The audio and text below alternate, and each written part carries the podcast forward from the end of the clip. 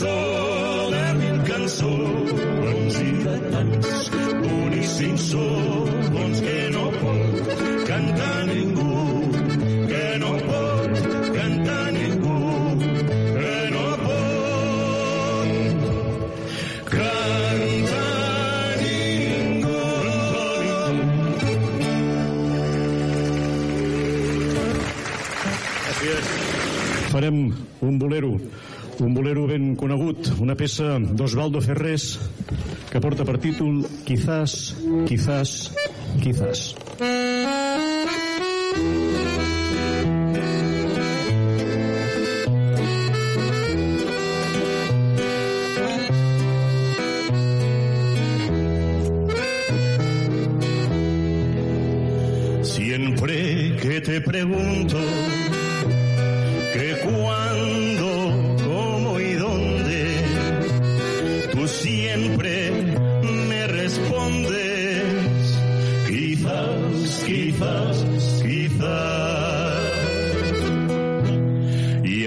pasan los días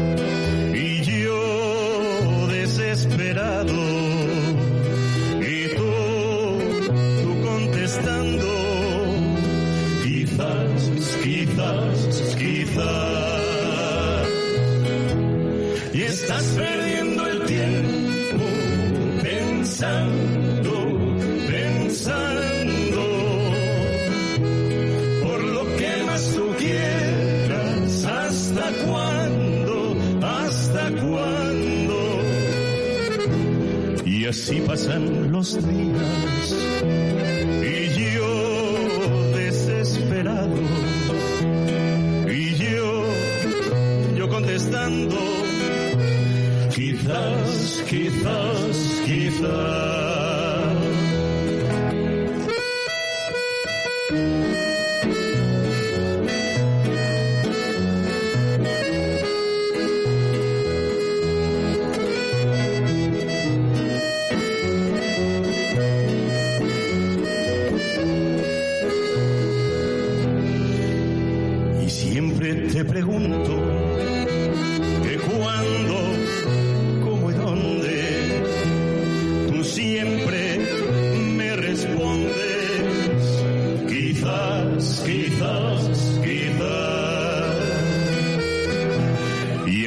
pasan los días.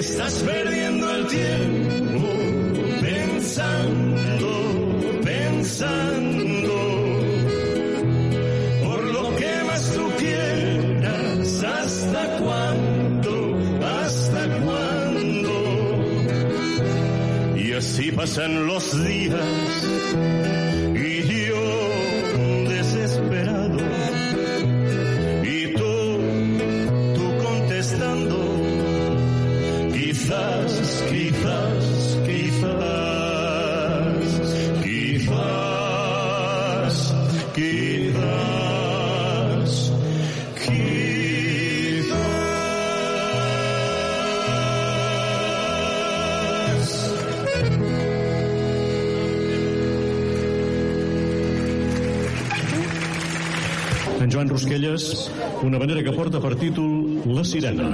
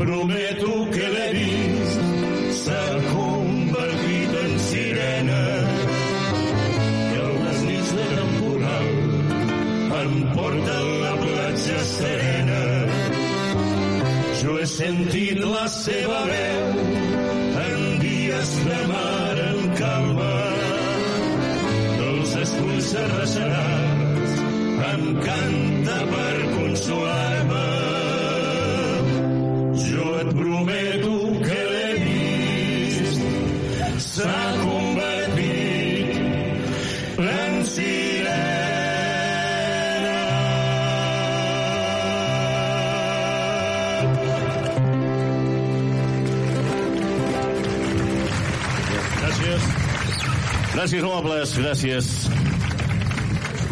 Ens arriba de Cuba una peça cubana i ens arriba lluny en el temps perquè és una segurament porta per títol El Cafetal. Mm.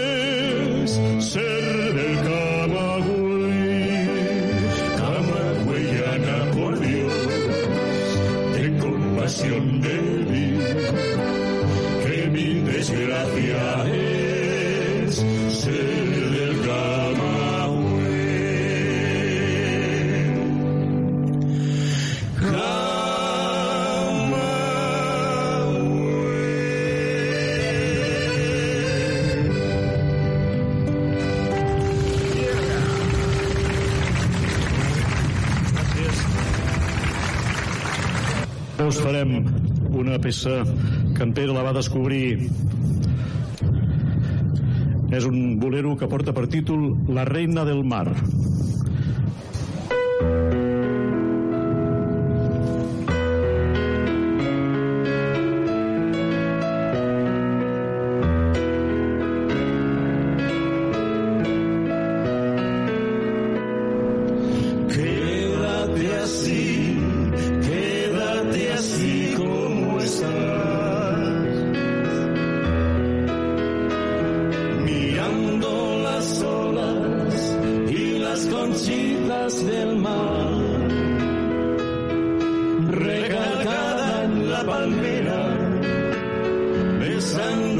spear.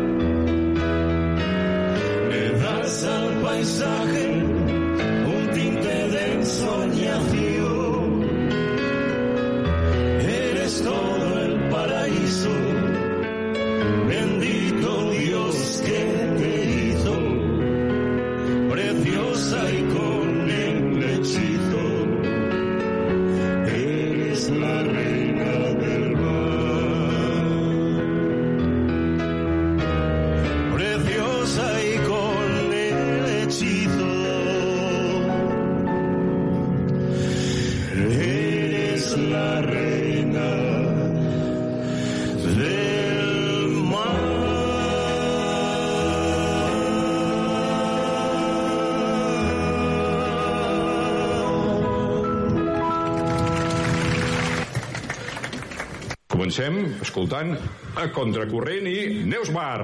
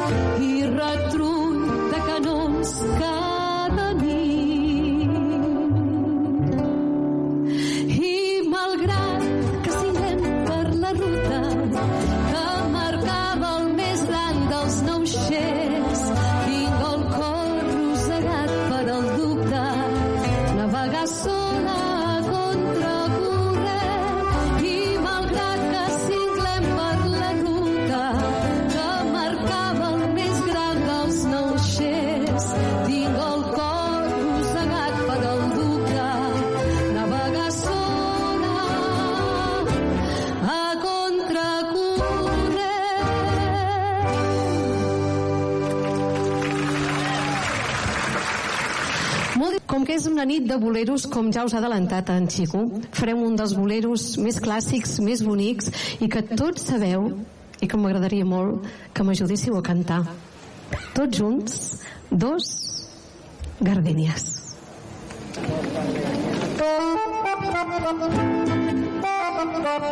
Thank.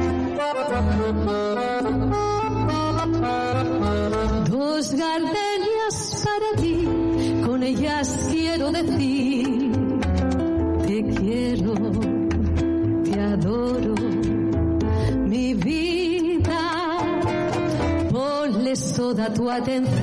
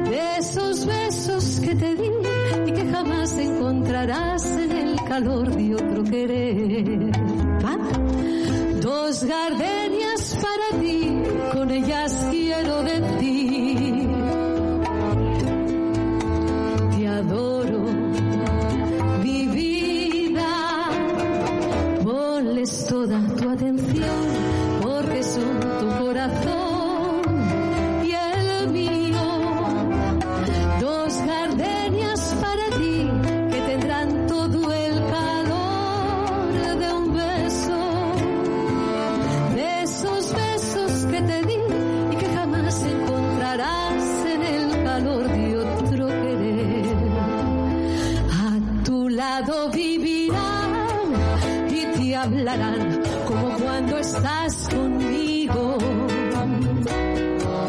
Y hasta creerás que te dirán, que dirán. Pero si un atardecer las gardenias te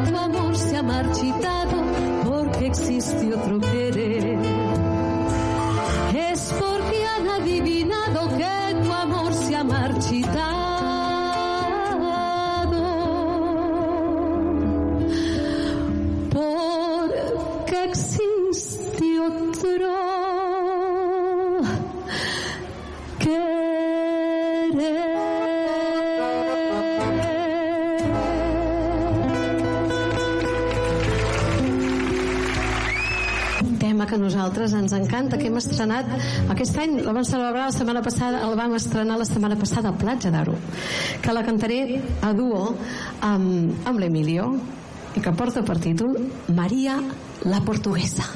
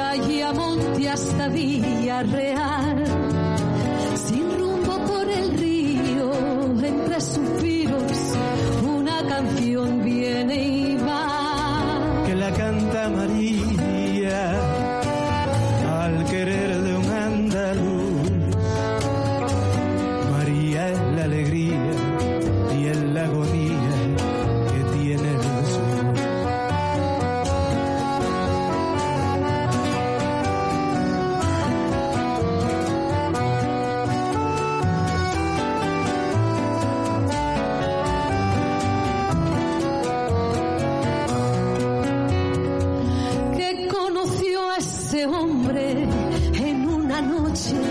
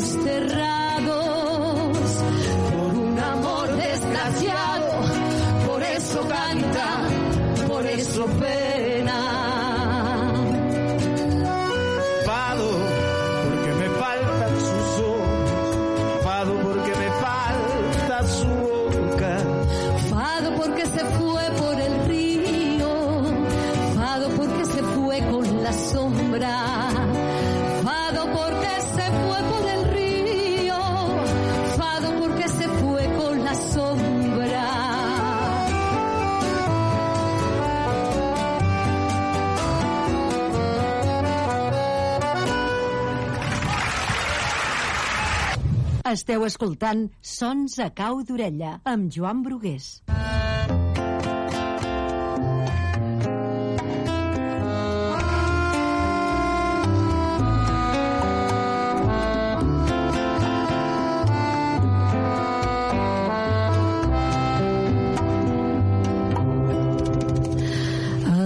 encara tinc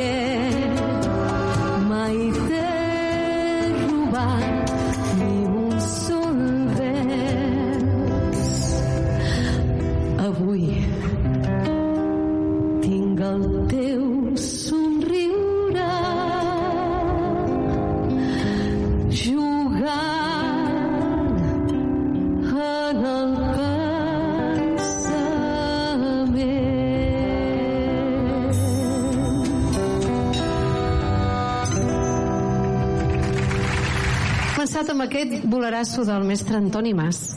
I ara farem un tema que sí que també estrenem avui i hem escollit una vanera porta per títol la Paloma. Oi que la sabeu? Doncs vinga, som-hi tots. Sí.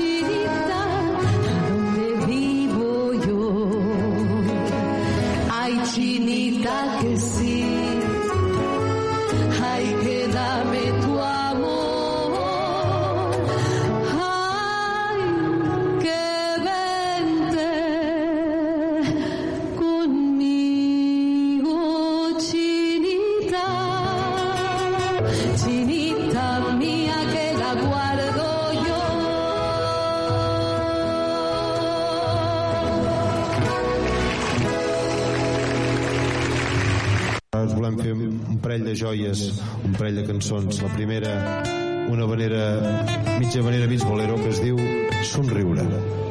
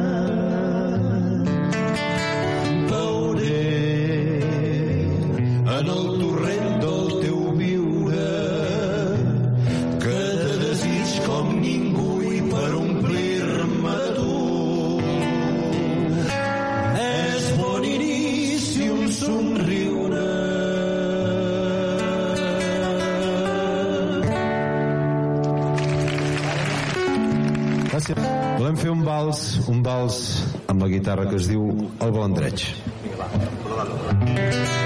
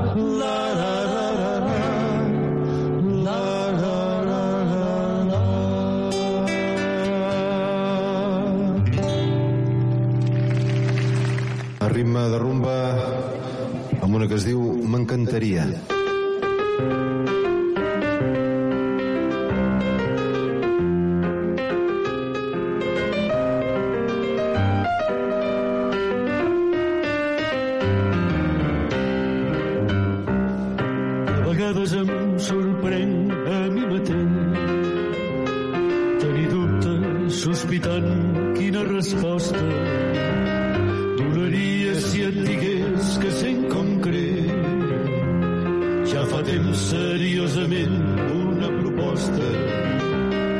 I m'altera la pregunta amb insistència. Si ens mirem sigui tots sols amb altra gent. ciencia.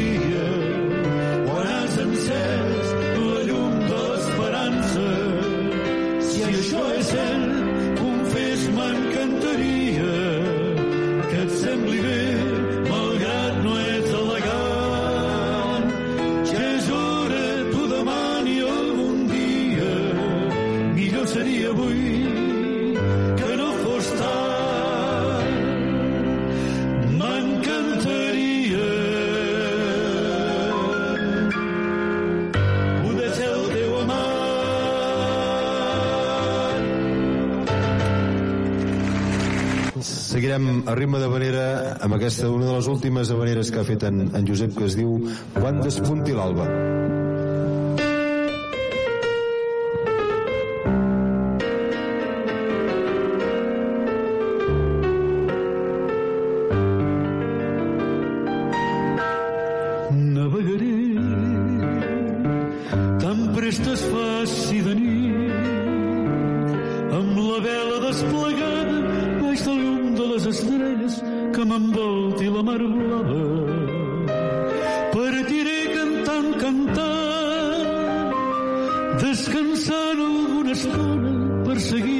traballado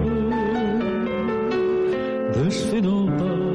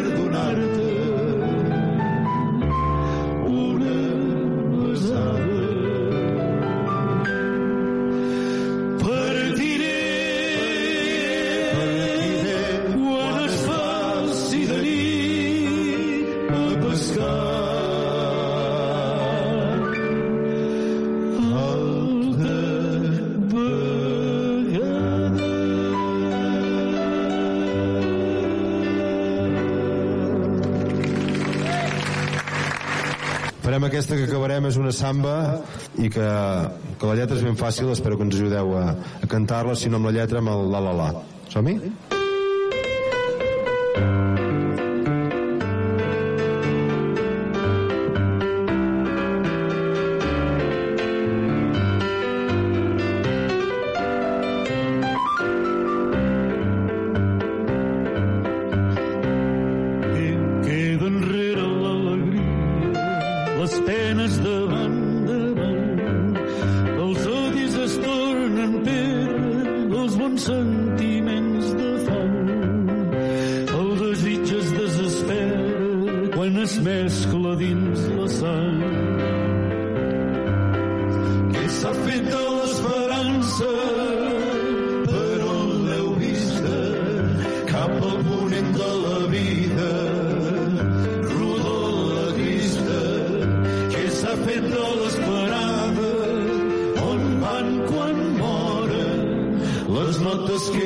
tan dolces perdudes flores.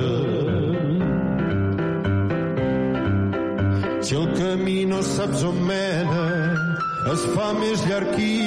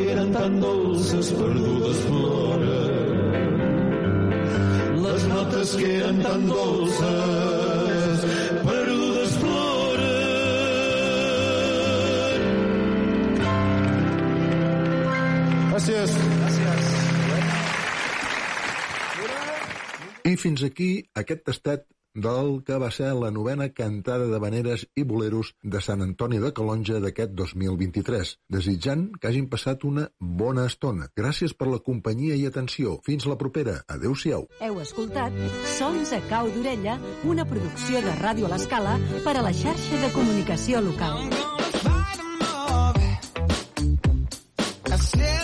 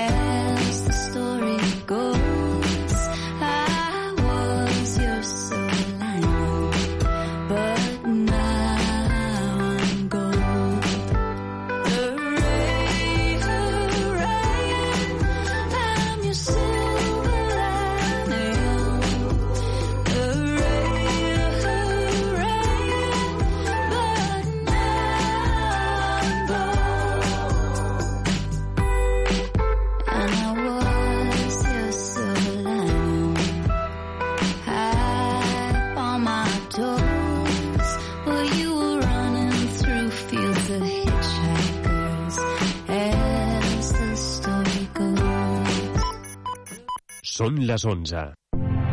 Ràdio Ciutat de Badalona. Escoltem la ciutat.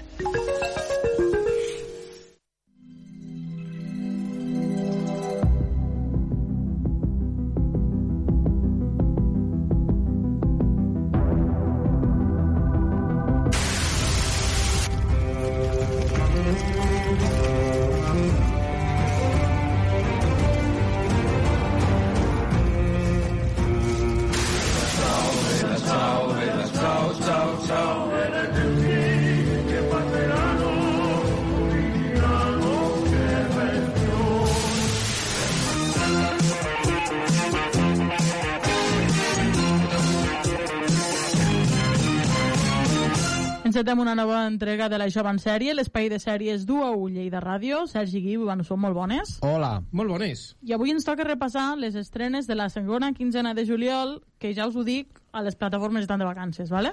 És normal. Bueno, Eh. així també se'n poden anar de vacances eh, els nostres oients, eh? Bueno. Sense deixar deures pendents. Bueno, deures pendents en poden tenir perquè sèries n'hi ha moltes altres. Bueno.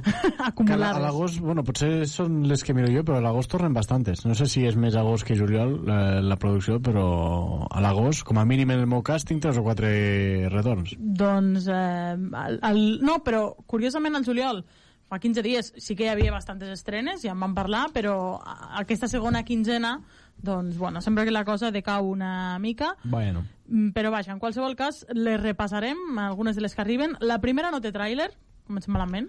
No Vale. té tràiler, No i és de Netflix. Sí, però és Índia. Eh, no l'he trobat.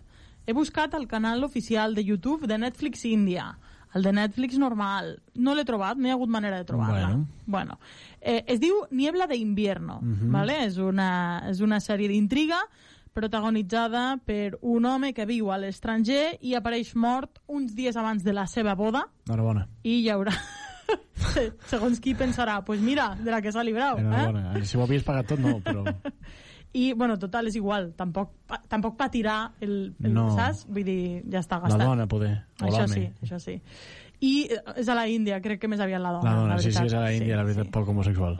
I, bueno, dos policies eh, hauran de resoldre el cas en un temps rècord, mentre, bueno, paral·lelament, eh, diguéssim que lidien amb els seus problemes eh, personals. Bueno. Poques sèries índies, índies no? Sí, la Coneixem? veritat és que no... A més, a No més és, potser no és un gènere que, es, que, que es porti gaire allí, eh? A més, Però no sé. l'audiovisual indie, com a que el, jo crec que l'associem molt a, a Bollywood, no? Eh, molt color, molt tal, i les sèries policíaques que acostumen a ser més fosques, Mhm. pues bueno, potser, no? Això es nota. Molt bé, Netflix Índia, tu. Bueno, això, eh, 15 de juliol a, a Netflix. Molt bé. El dia 16, A3 Player va estrenar Zorras. Eso es lo que yo quiero, probar cosas nuevas, por eso he venido a Madrid. ¿Y qué quieres probar? Pues todo.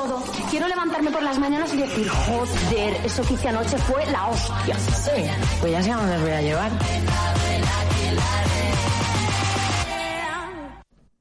M'ha donat un gust dir Zorras en directe, que no Mira, ja ho has dit dos cops, de fet. Ja, per això aprofito. Molt bé. Eh, una sèrie espanyola protagonitzada per tres noies, Alicia, Diana i Emily, que no tenen res a veure entre elles, cadascuna, diguéssim, que és molt diferent, de classes socials molt diferents, amb unes experiències vitals molt diferents, personalitats molt diferents, però el que tenen en comú són les ganes de, de divertir-se, d'arriscar, perquè són joves, d'alliberar-se, d'empoderar-se, de provar-ho tot, i per això funden el, atenció que ho diré un altre cop, el Club de les Torres, Molt bé. amb eh, l'objectiu de complir totes les seves fantasies sexuals. No és el mateix, no té el mateix empaque dir guineus que zorres, eh?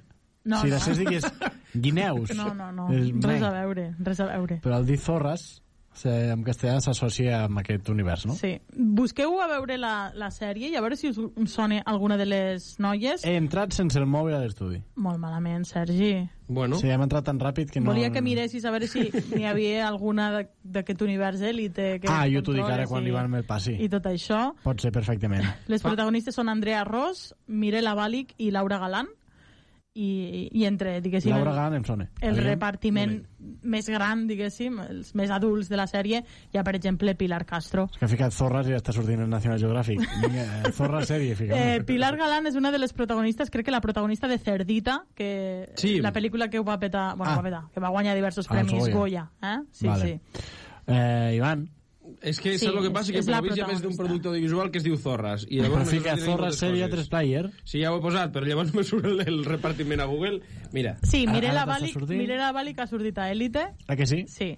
Eh, I Andrea Ross, ara estic comprovant, eh, va sortir a Rec 2 i després, bueno, a Los Hombres de Paco. Ah, Pilar Castro, mm. Sèries com El culo al aire. Pilar Castro fa de... A la sèrie de Vivir sin permiso, Sí, Pilar la- Castro la és la dona de. Ah, és és- m'agrada molt Sí, aquesta sí. senyora. També Sí, surt sí. Senyores de l'Ampa Sí, ha- i fa un episòdico a sèrie de comèdia. coses. És dolenta, eh? Moltíssimes, a la sèrie de Vivir sin permiso, aquesta senyora També et és... dic que no hi, ha, no, hi ha, no hi ha ningú que sigui molt bo amb aquella sèrie. eh? No. Bueno, però... Moralment no és ningú bo. No. Eh, bé, fa molta gràcia com eh, les sèries produïdes pel grup A3 Media, no tenint en compte que el grup A3 Media, especialment Antena 3, tenen... Normalment, pues, pues coixeixen de- de- d'un peu, no? Més que d'un altre, per així dir-ho. No I t'estem fa, molt- fa molta gràcia com... Eh, Cap a la dreta, vols dir? Bueno, o sí, per, per què no? I fa molta gràcia com eh, precisament la seva branca audiovisual a 3Player és tot el contrari. Sí, sí, sí. És, És curiós. Bueno, sí. Eh, els agrada molt... Bueno, perquè jo si no també puedes crec... con tu amigo o únete a él. Bueno, jo crec que és mica. perquè ven. Sí, Sèries correcte. com, com Nacho o Com aquesta, Veneno. pues bueno, són sèries molt sexualitzades i això ven. Com es diu aquella de l'Anna Rojas? Cardo? No, Cardo no. Sí, Cardo, Cardo, Cardo. Mm. Bueno, doncs jo crec que és això, que ven i, i com que comercialment I doncs també, és... també tenen el concurs aquest de drag, eh, drag, Drag Race. Race. Sí, sí, sí. Mm, molt bé. Bueno, en fi. Doncs això, Zorras, a, a 3Player eh, ja està disponible. Vale? Quina? Zorras. Seguim. El 18 de juliol Filmin també va estrenar una sèrie que es diu Kids in Crime. I Serb år 2001 har du to ting å velge mellom. Idrett eller kriminalitet. El Sergi, que és el nostre expert en idiomes, ens dirà d'on és aquesta sèrie. Turquia. Noruega. Yei. Quasi, eh? Ens situa l'any 2001 eh, amb Tommy com a protagonista, un jove futbolista, la carrera del qual es veu eh, es, es, o sigui, trencada per una lesió de genoll, i el seu amic Pal, que porta anys eh, lidiant amb el TDA, diguéssim que Eh, això els porta a, a, Pal, pal és, és nom noruec. eh, a, a, a, bueno, a endinsar-se en el món de les drogues per tal, doncs, de intentar superar Com l'Ivan. l'un que està l'un que està deprimit perquè la seva carrera s'ha anat en orris i l'altre perquè està fart del TDA bueno, pues comencen a, a drogar-se Quina mandra, de, No us en sèrie. drogueu. he llegit eh, una, de les, una de les descripcions que he vist és una sèrie que diu que està entre Eufòria i Trainspotting Sí, sí, sí. Sí, entre la E d'Eufòria i la G de Transpotting està. Vinga, va. No hi manera de comparar aquesta pel·li amb això, amb aquestes dues pel·lis, sèries i pel·lícules. No? Bueno, jo crec, creu que eh, pel tema consum drogues, adolescents, Bueno, no? crec mira, que, clar. que, que una mica això. Bueno, va, Ni de conya. més estrenes. No sé quantes vegades hem parlat ja de I la a més fa següent... molt poc que estem parlant molt d'ella, eh? Bueno, des de que es va anunciar n'hem parlat com a mínim tres vegades Molt. ja. Ja està Massa. bé, que vingui. Temporada 11 de Futurama arriba a Disney Plus el 24 de juliol. Bienvenida a tu nuevo hogar. ¿Nuestro nuevo hogar? ¡Volvemos, tíos! Dentro de dos segundos colisionarás contra tu destino. Buena noticia, muchachos. Hemos sobrevivido a una grave alteración del flujo del tiempo. ¿Qué ha pasado exactamente? Mira, échale un vistazo a esto. La sèrie que torna 10 anys després, amb 10 nous capítols, amb tot el repartiment original, segons diuen els eh, productors, amb l'esperit de la sèrie intacte, i amb uns capítols que també, segons diuen ells, estan fets per a tota mena d'espectadors, tant els nous, que amb aquesta temporada vulguin conèixer la sèrie, com els fans com l'Ivan, que bueno, eh, ja han vist les 10 anteriors i que és un retorn doncs, eh, esperat. Tinc por. Eh, ja, ja. Eh, Saps? sí. Perquè, perquè Sí, ha sí. sortit la sinopsi dels capítols nous i no m'agrada gens això de eh, explorar les vacunes tres anys després de la Covid, el bitcoin, després de que s'hagi desmuntat tot aquest monopoli, la cultura de la cancel·lació, la televisió per streaming... A veure, un dels problemes del el revival, l'últim revival de Futurama, el de Comedy Central, va ser que feien molta crítica basant-se en coses que havien passat mentre la sèrie estava cancel·lada. Per exemple, els iPhones. Parlar dels iPhones i de que tothom està enganxat a les xarxes socials dels iPhones al 2012, quan ja és una cosa que ja ha passat i que és Sí. Sí, està sí. totalment estandarditzada, eren episodis que quedaven molt de pegot, a part de que eh, comèdicament no eren els millors. Els Sí. millors episodis de Futurama normalment són en els que agafen i un, agafen un, un, una petita idea un, de ciència-ficció i l'expandeixen al seu univers fent humor absurd amb ella. Mhm. Llavors això no m'agrada, me fa por, me fa por en aquest sentit perquè penso que tornarem a l'etapa de Comedy Central i no me fa molta gràcia. Ja, ja, ja. Bueno, Ivan, pues t'hauràs d'aguantar, eh? No, no, i tant. Com a mínim tenim episodis nous de Futurama i està Exacte, bé, això. exacte. Molt bé. Jo, a mi l'únic que m'interessa és saber si el Fray i la Lila acaben junts o no. pues mira, aquesta és una altra també cosa, perquè cada final de la sèrie acaben junts i Però clar, com, després es com separen. després continuen, han de seguir mantenint el conflicte, llavors és com si esborressin tota, aquest, tota aquesta relació, però bueno, en fi. Bueno, Eh... En les últimes temporades certament va tenir una evolució i jo espero, per com a- va acabar la sèrie i per com la reprendran, que aquesta relació per fi es formalitzi. De fet, Clar. al tràiler es veu que es van a viure junts, bueno, a veure què passa. Bueno, estaria bé que els deixessin junts i si volen més conflictes de parella, pues Correcte, que siguin que els facin propis d'una parella. com a parella. Clar, clar, clar, clar. La següent estrena, que també arriba a les plataformes, a, és una, a Extreme concretament, és una sèrie que m'ha cridat molt l'atenció el repartiment. Sí, vale? ara ho estem mirant. Sí, 24 de juliol també s'estrena Professionals.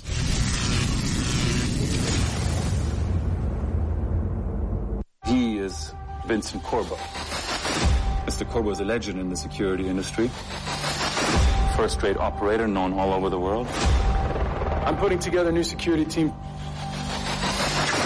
I'm looking for the most badass operators out there. Sèrie d'acció protagonitzada per Brendan Fraser, eh, la mòmia o la ballena més recentment, per la Fa qual va guanyar, la- va guanyar no sé si l'heu vist, però l'heu de mirar. Elena Anaya, vale? Eh, La Capito, eh, per exemple, o Tom Welling, Smallville, el Crec- Superman de Smallville. Vale? Ostres! Clar. Ah, Sí. és que... Ah, ah. Ah. No, perquè aquest, ara ho està mirant, surt a Lucifer, i a Lucifer tinc, eh, crec que fa de Adán. Podria ser. Bueno, perquè l'univers Lucifer és, és curiós, eh? Fa de Adán a la, a la Terra, per dir-ho d'alguna manera. Sí, sí, sí. I, i no, no el vaig reconèixer com a el protagonista de Smallville, Pues sí, aquest sí, noi. sí. Eh, és una sèrie del 2020. Sí, sí, sí, però arriba ara a, a, a les plataformes, eh? És del 2020, és Amb- vellota. De fet, eh, Brendan Fraser... Eh, 23 anys tampoc és bellota. Bueno, home, que perquè arribi ara... Bueno, ja, Tres però anys aquí, després, aquí no s'havia pogut veure. Això és, és, és, és, Encara em sembla sorprenent que passi això, que és Ja, a per tema de llicències al final, eh? però sempre sorprenent que a l'època en la que estem passi això i una sèrie trigui ha arribat 3 anys. De fet, diuen que Brendan Fraser és l'actor de La ballena d'una sèrie que es va fer feta a abans ballena. de Sí, sí, sí. que la seva interpretació Sí, a sí. La ballena. A més, jo pensava, ostres, ser Helena Naya i que la sèrie, o sigui, que una, de, una sèrie que has fet a nivell internacional i tal, i no arribi al, al teu país fins 3 anys després. Mm. Ha de ser també una mica frustrant. Sí. Bueno, la sèrie, eh, a nivell de trama, arrenca amb l'explosió d'un avançant satèl·lit mèdic pertanya, que pertany a un eh, milionari que es diu Peter Swan. Després dels successos intenta protegir el seu imperi a tota costa i, juntament amb la seva promesa, eh, decideix contractar els serveis d'un exoficial de la contraintel·ligència i d'un grup de mercenaris per investigar les veritables causes de, de l'atac i, bueno, com es va desenvolupar tot plegat. Eh? Molt bé. Eh, Maribel Verdú surt a la pel·lícula de Flash. Ah, sí? És una cosa que ara m'ha vingut al cap. crec que... Ara, ara potser diré un disbarat, perquè no m'agrada de, de Flash, però crec que és la mare de, o del de Flash o del Superman, perquè fa algo té a veure amb l'univers DC. Vale. dit No, la volia, no, no té res a veure amb això, però és per actrius que estan en aquest món Molt americano. La Molt dona, bé. no sé si t'ho vaig dir, però la, la dona era oberta ara, de Flash i Arrow, les dues. En- Què vol dir no obert? En obert. A Antena 3, per exemple. A, a Factoria de Ficció. Ah, sí? Sí, els, crec que els caps de setmana al matí. Jo crec que de Flash... Algun dia podríem fer un repàs de com estan totes aquestes sèries de l'univers Vale, DC. eh, i tant, clar que de sí. a veure si encara se n'estan... Perquè, clar, jo en el moment en què vaig acabar Arrow vaig necessitar una desintoxicació d'aquest univers molt gran i és la típica desintoxicació que si mires un capítol d'algun altre potser recaus i no ho estic, ho estic aconseguint Ja, i no ho vull bé, fer. Però no, jo crec que The Flash encara l'estan fent, me sembla. Encara estan Pues- fent pues produccions mira, noves. dic, que no té res a veure, no té res a veure amb la pel·lícula, eh? Com, És- Començant perquè l'actor és diferent. L'actor és aquell que està Ezra sonat a Miller, la pel·lícula. Ezra Miller. Sí, a la sèrie és maco. És, és la mare del, de, de Flash. És la mare, Maribel que sí? Fa de la mare bueno, de pues veus, la informació més o menys està molt ubicada. Bé, molt bé, molt bé. Último episodio, 24 de mayo de 2023. Último episodio hecho, ¿no? Eh, sí, en emisión. Emès, emès, l'últim mes, no? Ara falta saber si és l'último de la història de The Flash. Pues, eh... No cal, Ivan, tranquil, jo faré. No Així tenim una secció per farem. la temporada que ve, va. Va, més estrenes. En aquest cas, 25 de juliol, The Architect arriba a Filmin. Jeg er interessert i et boliglån. Det er bare det Julie Alm, 29 år. Sivilstatus, singel. Barn, null. Formue, null. Du kvalifiserer fortsatt ikke til noe. Aquesta té bona pinta. És noruec, això. És eh, molt bé. Eh, això també et dic que ho posi al guió que t'he donat. Ves que no hagis après Jo, per això. si et dic que no ho he llegit el aquesta guió, m'hauràs de creure. O no.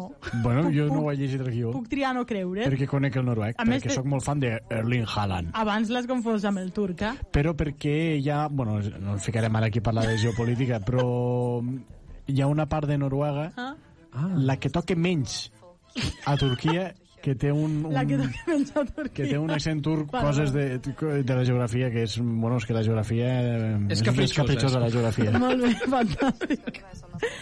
Bueno, The Architect arriba a Filmin, una sèrie noruega, com bé ha encertat el Sergi amb aquesta oïda que té per als idiomes. Bueno, concretament eh, de la part nord. Vale, vale. Que va rebre el premi a la millor sèrie al Festival de Berlín i que ens situa en un futur proper on una jove arquitecta ha de trobar la manera de construir mil apartaments al centre d'Oslo Capital, veus? Nord. i descobreix que el lloc més idoni per fer-ho és un pàrquing subterrani en el qual hi viu molta gent mm, il·legalment. Vale? Al pàrquing? Sí, Quina por. eh, sí. És una sàtira que posa el focus en el drama del preu del lloguer de l'habitatge a les eh, grans capitals europees. Molt bé. Molt vigent. Una temàtica supervigent. Sí. El mercat de l'habitatge... Eh, Ah, ah, però saps? aquí, aquí està... Està Bueno. passant que la gent viu a, a pàrquings? Bueno, no, no, home. Ah, ah. Dic, A la que s'avecina va passar això. Vam fer, vam fer una temporada d'això. Ah, sí? Sí, com que no tenien diners, vivien a la plaça de pàrquing del seu pis. Molt bé. No, però, però aquesta crítica al model eh, habitacional de les grans capitals europees, eh, ostres, aquest és un model que està en debat i, i que, bueno, que molts es qüestionen perquè fa expulsa la gent, bàsicament, de les, de les grans ciutats, no? Per cert, Oslo està concretament a la part més sud de Noruega. Hosti, està, està baix de tot, de Noruega. Fantàstic. Bueno, no passa res. No passa res. No, no, no. no. Bueno, coses, no? Cap problema. Depèn de com mires el Eh, clar, globus terraqui. Si, si el gires... Està a la part nord. Pues així. Va, Li puja la saga al cap. més estrenes. 26 de juliol, segona temporada. Que bé! de Quines ganes. ¿Cómo conocí a tu padre? Esta es la historia de cómo conocí a tu padre. Era difícil vivir el momento en 2022. Siempre había otro lugar donde estar, otra persona con la que estar. Sé que esto puede parecer una locura, pero he tenido 87 citas de Tinder este año. Mai havia tingut clar si aquesta sèrie s'havia acabat estrenant o no. Sí, home, sí que, sí que... Bueno, dona, sí que la van estrenar. Que, si no, que ja ho veig, ja, que sí. Que De fet, fer... de Que, fet va- porten que, quatre parts ja. Perquè Sí, si, sí, és, sí. si la primera també la van dividir en dos i és la quarta part aquesta. Sí, sí, sí. Bé, que al final era aquella mena de spin-off eh, amb, Dolent. de, de Com conocí vuestra madre que eh, l'únic que té a veure amb la sèrie original és la premissa, Sí. però, però canvia una mica perquè bueno, és un personatge femení, el protagonista, tal i qual, i els escenaris on, des, on, on es grava la sèrie. És a dir, ja està. Viuen al mateix pis i van al McLaren ah, a prendre cerveses. pis. Això no ho sabia, veus? Però bueno, Molt en fi. Eh, crec que aquesta temporada apareix Barney Stinson. Ah, fa un que cameo. ho fan, sí, fan cameos. La primera temporada va fer un cameo a la Robin Vale, vale. Williams. i, i ara aquesta temporada el Barney, crec. La, la prota és uh, Hilary Duff. Sí. Eh? Ah, sí? Sí, sí, sí, sí, sí. sí, sí. La de la sèrie aquella infantil, sí, dona, ja... Sí, eh, Lizzie McGuire. Lizzie McGuire. Sí, sí, sí. Eh, Per cert, sabeu, sabeu quina sèrie torna, ara que, ara que heu dit això? Quina? Zoe 101. En sèrio? Sí, faran no sé si un, un, un especial de dues parts o... les o una, una, sí, o una pel·lícula, una cosa així. Molt Quina bé. és aquesta de Canave, aquesta? Una noia... És eh, una noia que anava a un institut que era per nens pijos, bàsicament. Sí, que la prota és la germana petita de Britney Spears. Correcte. La... Ah, ui, què és aquest background? Jo d'aquest univers només, només tinc al és cap l'únic que sé que H2O. t'analitzo. Diré una cosa Hombre, molt fo- H2O era una, una cosa És la molt única fosca, que jo vaig veure. Una cosa molt fosca és que aquesta sèrie va acabar perquè Jamie Lynn Spears va quedar embarassada sent una adolescent i llavors van haver de cancel·lar. Ostres. Bueno, I aquesta amb el pare, què tal? No en tinc ni idea. No, aquesta és, de, aquesta és dels que està... O sigui, la, la Britney Spears està en contra d'ella, també. O sigui, diguéssim, està a favor dels pares. La, la de jove que, aquesta. la, està a favor de que de, de De treure-li... tot el que ha passat amb Correcte, Britney Spears. Correcte. Pobre Britney. Pobre Britney. Molt bé, Sergi. Leave Britney alone. Exacte. genera tanta indiferència aquesta família. Va, més No, estrenes. però està malament el que li van està fer a fatal el Britney, que li eh? van fer. També arriba a les plataformes, eh, aquest dia 26, eh, la quarta temporada de la sèrie animada de Harley Quinn, que he de dir que, buscant el tràiler, m'han entrat moltes ganes de veure-la. Can we talk about this later? If not now, when? I can't spend my whole life just bashing goons. I want to be your partner in crime.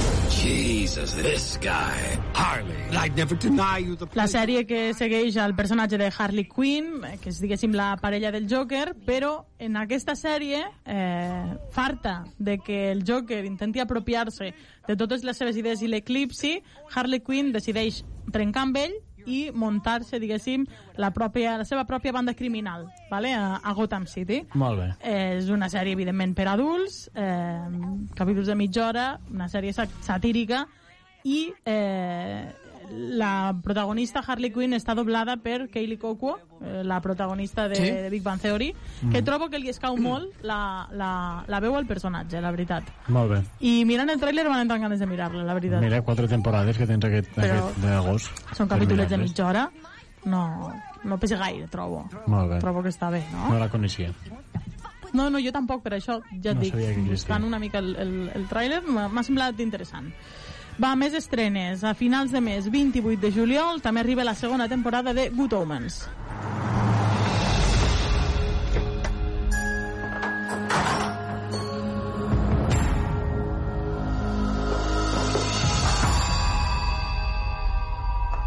Que és aquesta sèrie protagonitzada per un àngel i un dimoni que han d'unir les seves forces per trobar una manera de salvar el món a mesura que s'apropa l'apocalipsis vale? Bueno, eh, els protagonistes són David Ara. Tennant i Michael Sheen molt bé. i surt també John Hamm per exemple, o Benedict Cumberbatch eh, Francis McDormand també apareix en aquesta Bueno, sèrie algun cameíto, no? Eh, bueno, sí, però... No, John Hamm té un paper més o menys recurrent, eh? Ah, sí? Sí, em sembla que és l'Arcàngel Gabriel. Ah. Eh, així que, així que sí. Eh, és, és, està, es veu molt ben produïda. De fet, de la primera temporada en aquesta segona ha passat eh, Sí, sí, temps. sí, la primera es va estrenar el 2019. Imagina't. Eh, i, I jo és d'aquelles que... Ai, Sí, ai, també. però crec i veient que tarden molt a fer temporades quan anunciem que és l'última temporada de Good Omens ja em plantejaré mirar-la De fet, jo crec que la primera temporada es va plantejar com una minissèrie de sis capítols perquè està basada en, en una novel·la eh, i diguéssim que la primera temporada era la novel·la, no? Clar, i ara I ja es va plantejar com una minissèrie. Però ara, eh, diguéssim que la segona temporada es va més enllà i, bueno, eh, s'intenta doncs, explicar una mica més aquesta amistat entre, entre els dos protagonistes, eh, l'àngel i, el, i el dimoni, eh, que després d'haver estat a, a la Terra, no, doncs des del començament dels temps, tornen a una vida entre els mortals eh, a Londres i bueno, doncs a partir d'aquí apareix un altre personatge que els dona un missatge que els fa trencar amb aquesta vida a la que ja s'estaven començant a acostumar. Mm, mira que em surt anunciada aquesta sèrie. Sí, és una de les que promocionen molt Prime Video sempre. Mm. Mira, però a més em surt amb allò de publicitats personalitzades a YouTube i a pàgines web i tal. I no... O sigui, penso que la publicitat aquesta no pot encertar menys. O sigui, és que no m'interessa gens, per gens de res. I ells, vinga, vinga, vinga, pues fica, bombardejar-me. eh? crec que la creueta de dir no m'interessa. Això ho pots fer tu. Però és igual, és que jo no vull publicitat de cap mena. No vull que me la canvis per una altra. Pues paga. Paga YouTube. O feu servir AdBlock. No, home, no. AdBlock. Això no ho has de fer servir. Jo aquesta, aquesta sèrie eh, recordo que en- l'embrió de l'Això en sèrie, l'Això en sèrie va començar Va, un com estiu. un programa d'estiu a, a UAU Lleida Ràdio. I aquí estem, eh? Un en Entrevistant a en personatges il·lustres. Fèiem, eh, durava una hora llavors i fèiem meitat així una tertulieta com aquestes i després entrevistàvem a personatges de la ciutat i la vida i la cultura lleidatanes Al voltant de les sèries. al voltant de les sèries i eh, recordo que una de les persones que em va recomanar molt aquesta sèrie és Àngeles Ribes, Mhm. ex-líder de Ciutadans a la Paeria de Lleida eh, doncs recordo que me la va recomanar doncs devia ser per allà el 2019 més o menys Jo recordo que va recomanar també Planeta Azul. Ah, sí? Els documentals aquests de... Bueno, Ara potser molt no bé. era ella, eh? No són els que miro jo, però no estan mal, tampoc. No està mal, molt bé. Va, i acabem amb la darrera estrena d'aquest mes de Bueno, està juliol. bé que treballin els espanyols, també. Arriba a Netflix eh, Un cuento perfecto.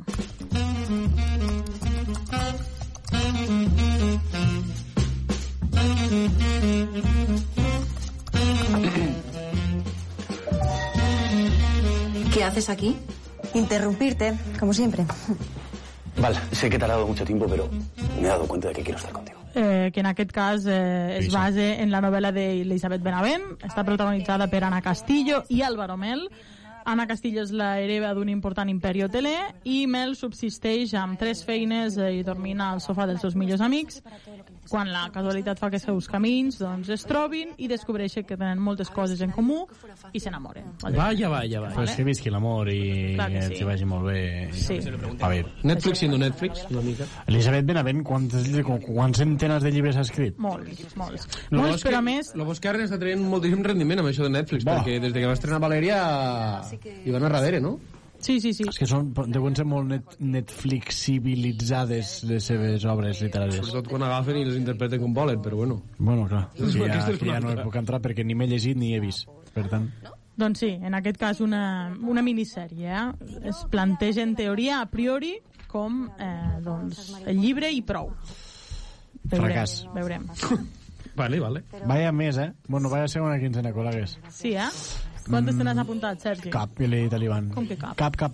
Ni Zero. Good Omens? No, Zero, perdona, zero. és no que li- perquè Good Omens, quan aquí m'expliquis eh, última temporada de Good Omens, llavors me l'apuntaré. Vale, vale, vale. Eh, és que saps, saps el que ha passat? ha Quan estaven, quan estaven els micros tancats, jo l'he dit, m'ha dit això, i jo l'he dit, escolta, mira Futurama, ara que tens Disney+, Plus, i clar. agafa i fa, és que és molt llarga, m'estic començant a plantejar a mirar com era One Piece. Però crec que ja ho vaig dir. No, no t'he dit que és molt llarga, t'he dit, ui, quina mandra de començar des de zero. Miraré One Piece. Però crec que tampoc passarà lo de One Piece. Però fa temps que vull mirar alguna sèrie llarga d'animació. Pues... Harley Quinn té quatre temporades, És que em fan mal d'aquest personatge, no m'apeteix gaire. no? Bueno, eh, pues, Crec que tornaré a mirar Oliver i Benji. vam fer fa poc una, una secció estupenda sobre sèries d'animació n'hi ha un munt. bueno, miraré Oliver i Benji. Sergi, per favor. Que ara fa un any, fa un any, que, no- fa un any, que no fa un la any que no la miro. Quants capítols té Oliver i Benji? Sí, a veure, la, la, la, Però més prim, clar, la primera... S'ha remei que ja no sé, s'han fet, s'han fet sèries molt pocs, noves. ni molt pocs. Després es va fer la part de Brasil, la del Mundial. I quan, però quan, du, o sigui, quan duren els capítols? 20 minuts. Ah, bueno, sí, clar. 20 Llavors... minuts. Però és que no Sí, n'hi ha sí. ni un que en duri 25. No, però l'anime ja ho té això. 20 minutets, 20 minutets cada Mira, capítol. i, I 15 minuts de capítols on ells corrent pel camp per arribar d'una és punta a l'altra. Això és lo bonic. Això és per lo tant, bonic, no et pots eh? perdre la trama. Aquí No, no, no, més que la trama, també et dic que la trama la podien haver fet un, una sèrie de... Veus la tàctica aquí, eh? Quan estan corrent veus les tàctiques. Veus el És 4... impossible, Veus el 4-3-3. perquè allò està tan curvat que no, és no els pots dibuixar I sobre quan el... xutaven la pilota, és que... Bueno, eh, no estem parlant d'Oliver i Benji avui. Bueno. Va, sisplau, parlem d'Oliver i Benji quan toqui, no sempre que vulgueu Però si vosaltres. sempre la treus, si sempre la treus. La treus per a tot. Doncs com que el Sergi no vol parlar més d'Oliver i Benji, ja no parlem més de res. Què us Eh, sembla? és el que vinga, hauria de passar, o parlar d'Oliver i Benji o no parlar de Vinga. sèries. Vinga, ens deixem en pau una setmana. Apa, que vagi bé, nois. Adéu. Fins aquí l'això en Sergi. L'espai de sèries du a Lleida Ràdio.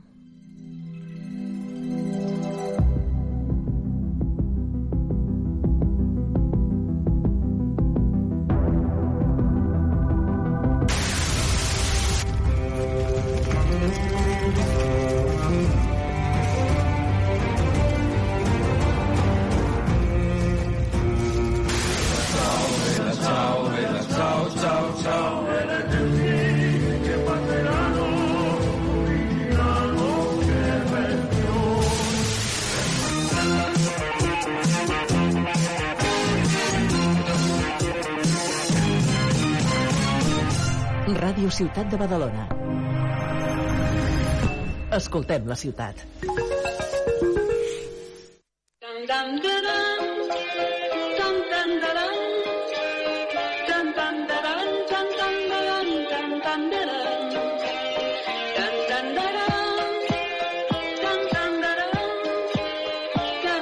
Hola, què tal?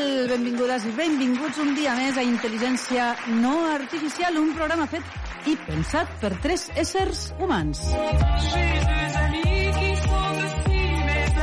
I com sempre, a controls tenim el magnífic Hernán Subirats. Hola, Hernán. Hola, què tal?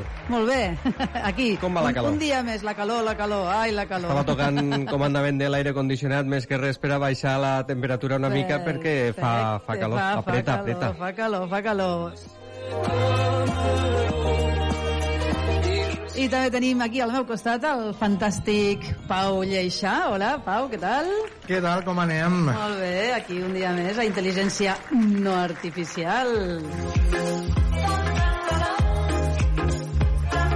I la que us parla, Flàvia Company, en aquest programa que avui dedicarem a un tema interessant, que és el tema de les tradicions. N'hi ha eh, de moltes menes, n'hi ha de totes les característiques, Eh, I en, en esta diversitat de tradicions hem estat observant i pensant respecte de el poc que interessarien les tradicions a les inte- intel·ligències eh, artificials, diguéssim, no? No- perquè no són- francament, no- o no sigui, de claro, no en tradicions. tenen, de fami no tenen família, perquè una tradició és definida pel diccionari, no? Una creença o un comportament que es passa de generació en generació eh, entre famílies, cultures o religions. Família, cultura i religió, la intel·ligència artificial pst, no, no, no en té, no? I traspassar un encara menys, de moment, no? De moment. La intel·ligència moment, artificial tot i que no, no, traspassa coneixements. tot i que ara fa uns dies eh, se va veure una primera roda de premsa en humanoides, que em va impressionar moltíssim. La vau veure? Sí. Oh, és impressionant, eh? Perquè allò, eh, mm, com persones, com persones, no en pell i cara i nas i boca i parlant i movent els llavis i com si d'allò, eh? És una de les coses que més ha evolucionat en aquest aspecte dels humanoides, no? Mm. Que eh, moviments eh, molt robotitzats que tenien els estem fent cada vegada més suaus i cada vegada més semblants a, als humans. I, i, I una de les coses que van dir és no mos tinguéssiu por. Ah, jo? ja, només... És, és, és Aquella nit no vas dormir. No, no, quasi, quasi que no vaig dormir, no? És que a més a més vaig recordar una vegada que vaig estar en un eh, hotel de Tòquio, precisament. Pensava que anava a dir en un, en un humanoide. Mira, alguna vegada he pensat que eren humanoides les coses en les que he estat, però no, eh, suposo que no. Eh, però sí que en un hotel de, de Tòquio a l'entrada resulta que venien a rebre't eh, robots i bona tarda i bon dia, bueno, ni, ni, bueno, Mhm, els podies mhm. escollir el, el, la llengua en què parlaves, però eren robots, clarament robots com els de les pel·lícules, robots com els de la Guerra de les Galàxies, saps? Però no, no, és que ara és aspecte humà total. Però bé, seguim amb el tema de les eh, tradicions. Jo, per començar, us volia fer una pregunta als dos, abans de tirar endavant en quines tradicions escollim avui per a comentar, que és, què penseu de les tradicions? S'han de mantenir? S'han de canviar? Quines s'han de mantenir? Quines s'han de canviar? S'han d'inventar de noves? Us interessen? Les seguiu? Per sort, evolucionem de tal manera de que hi ha algunes tradicions en algunes vegades justifiquem certes coses en lo de és, és, és una és tradició o, que, o és cultura o és art no? eh, i per altra banda hem pogut arribar a erradicar certes tradicions que possiblement, sobretot parlo de maltractament animal eh, bueno, tirar la cabra d'un campanar per molta tradició que sigui arriba un moment en què la nostra intel·ligència no artificial mos arriba a dir de que allò en ple segle XXI acaba sent una tradició que ja pot quedar obsoleta no? Sí, sí, sí, sí, sí, com els gladiadors i els lleons i tot allò, sí, sí, clar. Clar. O sigui, d'alguna manera, eh, el que són bestieses, diguéssim, no? Tot i que mm, ne continuen moltes de bestieses, Sí, per eh, això ho dic. nosaltres, sí, Aquí entra sí, una sí. mica, no? Que algunes sí aquí. i que altres les estem mig amagant pel fet de que són tradicions. jo anava aquí, que potser hi ha tradicions que, sí, que veiem molt clarament avui en dia que són insalvables, que són injustificables, però que tot i això encara hi ha sectors que les justifiquen. Sí. Torno a la cabra que fa un moment has fet volar del campanar tu, Hernán. Eh, continuen hi havent sectors que justifiquen un acte així i que diuen que això és tradició i que no es pot erradicar. Sí, se fa en molts... per molt que la, poses una llei, I tant, i tant. continuen defensant coses així. Se fa en molts animals, I a tret, més a més, tret eh? de context, pot ser el tema aquell, si us en recordeu, dels estudiants que cantaven a les estudiants, eh, no, no els arribaven a un insult, segons ells, però clar, si ho mires des de fora, possiblement aquelles, aquells cants del, del col·legi, crec que era Sí, madrileny, sí. eh, vist des de fora podries arribar a pensar de que, clar, és ofensiu, no? Sí, sí, sí. Tornem, Eh, per eh, exemple, als col·legis les, les patentes, les novatades, que Mm. diríem. També són tradicions que justifiquen doncs, moltes vegades humiliacions, vexacions, insults, i, i coses que són, ja dic, penso que injustificables, però que sorprèn és que es puguen justificar encara. Sí. Ara que parlàveu d'animals, una de les tradicions que jo he, he portat avui aquí per a comentar o per a, no? per a presentar és eh, precisament la lluita entre camells eh, a Turquia, no? Clar, dius, a veure, eh, la diferència fonamental és que els camells no acaben morts ni greument ferits, perquè us he de dir que una vegada, quan estava a Perú, a, a la localitat de Nazca, eh, no sé com és possible, però se'm va passar pel cap anar a presenciar una lluita de galls. No us podeu imaginar l'espant espantós que és eh, la lluita de galls, eh, que a més a més en el cas de Nazca eh, és, és molt curiós perquè els domadors, o no sé com se diu dir eh, dels, dels galls en qüestió mm. abans de sortir a la pista, que és una petita pista de bous, diguéssim, una petita, no? és, és com si fos una, allò Un però- ring reduït, Sí, no? sí, sí, sí, sí. Eh, eh, rodonet, té moltes, moltes llums per, per damunt, és, és, és, és, se fa la nit i per tant tot està molt ben il·luminat, diguéssim, no? I els acaricien els galls i els diuen precioso mío i ai, que, que, que, que, i llavors finalment els apliquen una, una mena de cuchilla, és una navalla, allò a la poteta, perquè mm, en aquella navalla li tallen el coll a l'altre gall o se'l tallen l'un a l'altre i durant res, són segons de lluita no? bé, no és tan greu lo dels camells però tot i així també continua sent una, un maltractament perquè enfronten per exemple, els galls, els dies abans de posar-los a... vaig estar esbrinant, no? Eh, els dies abans de posar-los a lluitar l'un a l'altre, cada nit els donen Coca-Cola. Coca-Cola per excitar-los i perquè no puguen dormir i clar, estan esver esveradíssims, no? Quan descobrisquen les begudes energètiques veuràs... oi, oi, oi, oi, oi, oi, oi. Una altra de les, de les, de les eh, tradicions, en porto tres, no?, per comentar així una mica, i, i, i eh, una de les tradicions que m'ha cridat la- l'atenció és que a Corea, a, a Corea del Sud està prohibit escriure el nom de ningú en, en vermell. Ah? I per què? Perquè el vermell es considera molt relacionat amb la mort, no? Mm. I per tant, si tu escrius el nom d'algú en, en tinta vermella, l'estàs condemnant... És una sentència. Una, sentenciant, sen- sí. una sentència, una sentència de mort. O sigui, res de, el vermell no està relacionat a passió, està relacionat en la mort. Això relacionaria una miqueta, me desvio però no del tot, aquestes tendències noves de l'educació que diuen que no es pot corregir amb boli vermell Mm. perquè crees un trauma als crios Sí. i es fan corregir pues, en llapis, un boli verd, esperança pues una cosa semblant. Sí, és com similar, si sí. li poses al xiquet que s'ha deixat un accent, l'accent en roig, i Mm. l'estàs sentenciant. Ja serà Sí. un inútil tota la vida, pobret meu. Sí, és, és, és veritat, Déu-n'hi-do. esta, esta tradició se suposa que prové, però no se sap en certesa, eh? però se suposa que prové del fet que a les baixes eh, a la guerra eh, al Japó, a les baixes de, de la guerra, eh, al, al costat del nom dels morts posaven una creu en vermell, i aquesta creu en vermell podria ser l'origen d'aquesta tradició. I finalment, un altre d'animals, eh, que mireu quina, quina cosa tan curiosa, a la regió amazònica de, del Brasil hi ha una tribu que es diu Sateré Moué, que eh, les criatures per a passar a l'edat adulta es considera que ho fan als 13 anys, no? I als 13 anys la cosa és la següent.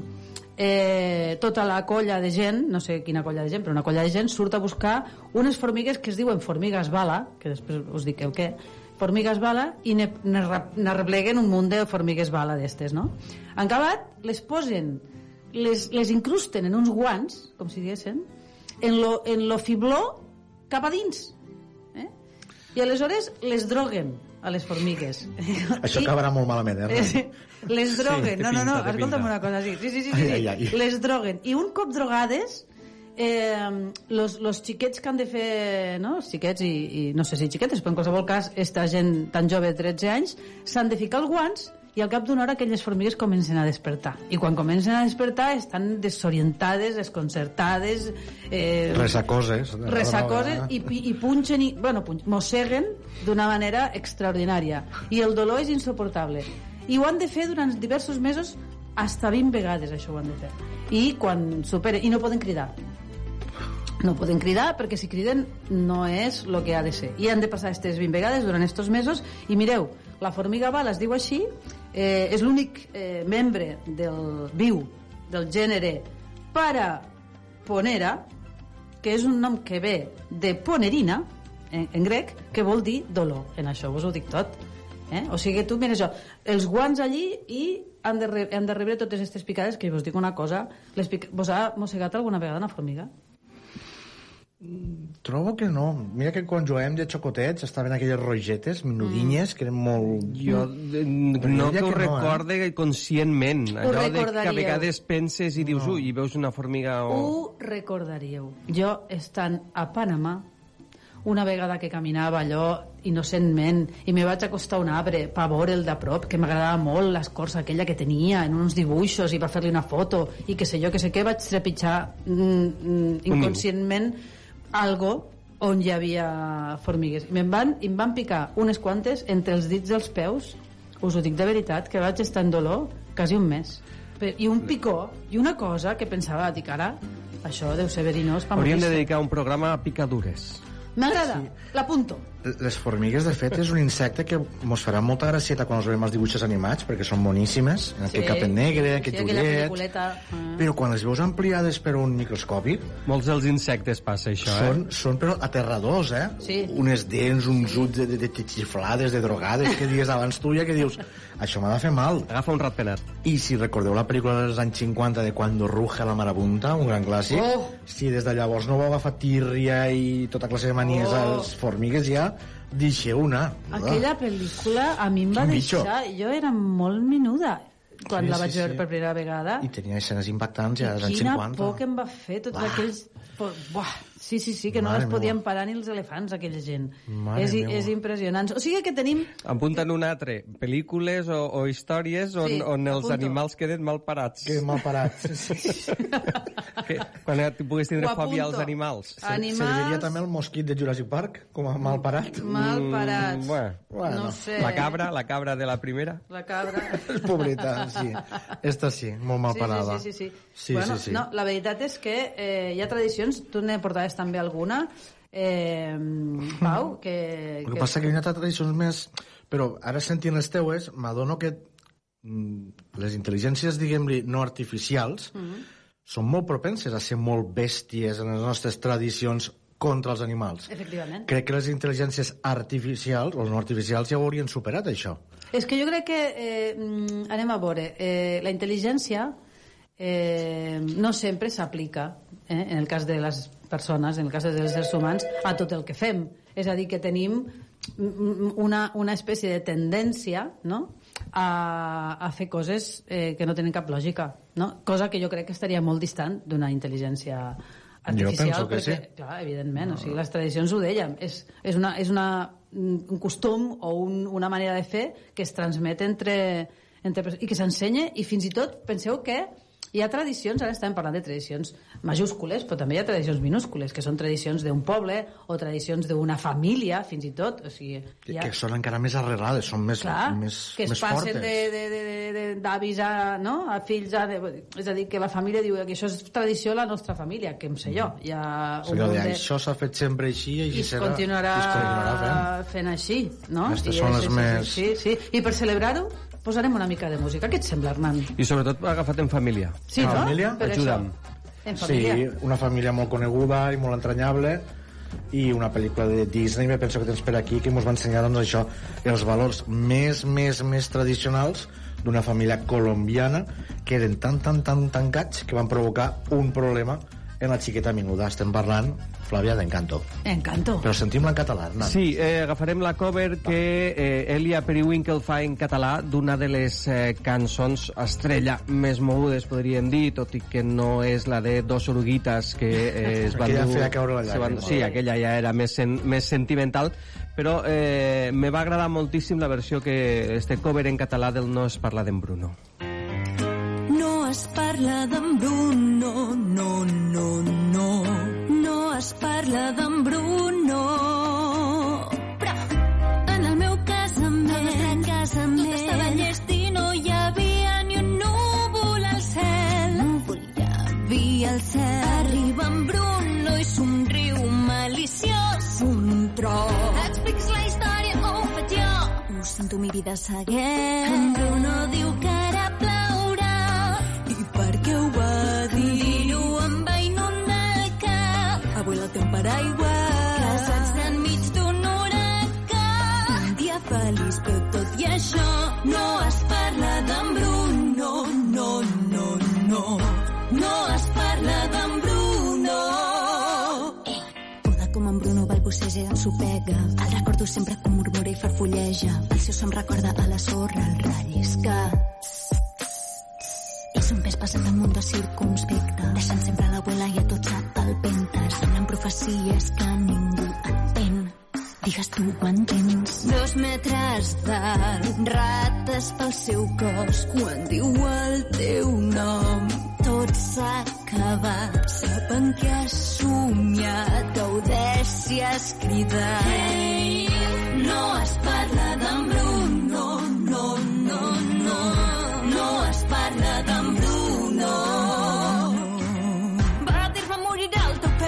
dia mort. No, no. Va dir-me tornaràs gran i just em va dir. Va dir-me que perdria el cabell i mira el meu cabell. No, si t'ha llegit el destí, t'has segellat. Em va dir la vida que he somiat un dia seria real.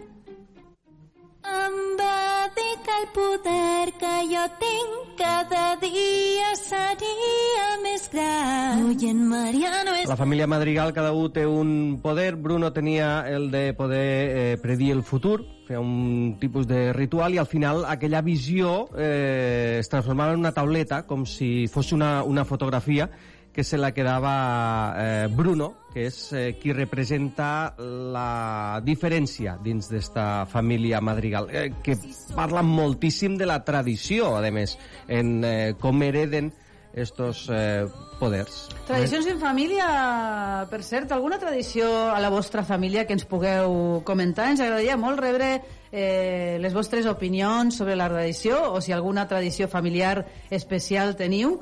Eh, ja sabeu que podeu enviar-nos els vostres missatges eh, a Twitter, on som Ina Ràpita, Ina de intel·ligència no artificial, Ina Ràpita, i també ens podeu enviar missatges per correu electrònic a ina.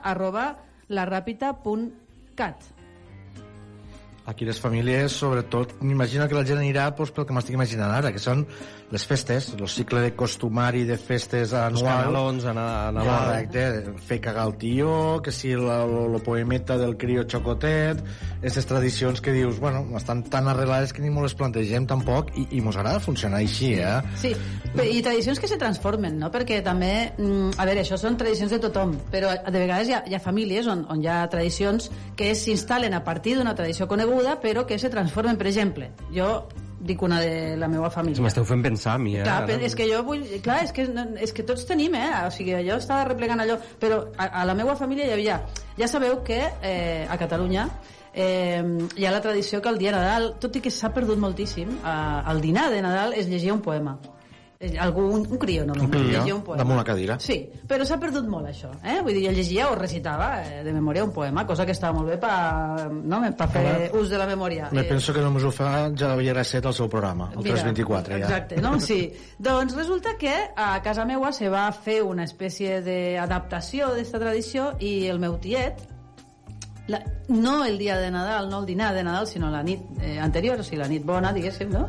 Eh, feia un, un poema llarguíssim, eh, en rima, eh, bastant interpretat i bastant tot, eh, on criticava tota la família i mos la deia, bueno, m- m- deia tot el que havia de dir però amb molta gràcia i, en- i, i la veritat és que a pesar que mos criticava tots i mos deia totes les nostres defectes i vulnerabilitats i desastres i errades i ho feia amb tanta gràcia que tots esperàvem aquella nit d'una manera molt especial ¿no? Y, el, y el poema comenzaba una noche como todas con algo particu- particular una mesa mejor puesta y a esperar la Navidad i aquí començava i clar, eh, ha quedat però era una tradició que tots ja era com no pot faltar, saps? Aquí no cal ni fer un vers, ni en poema, ni res. Aquí ens asseiem a taula també i acabem criticant a tota la família, a cunyats, a sogres, a nores, i no cal ni, ni enversar-ho.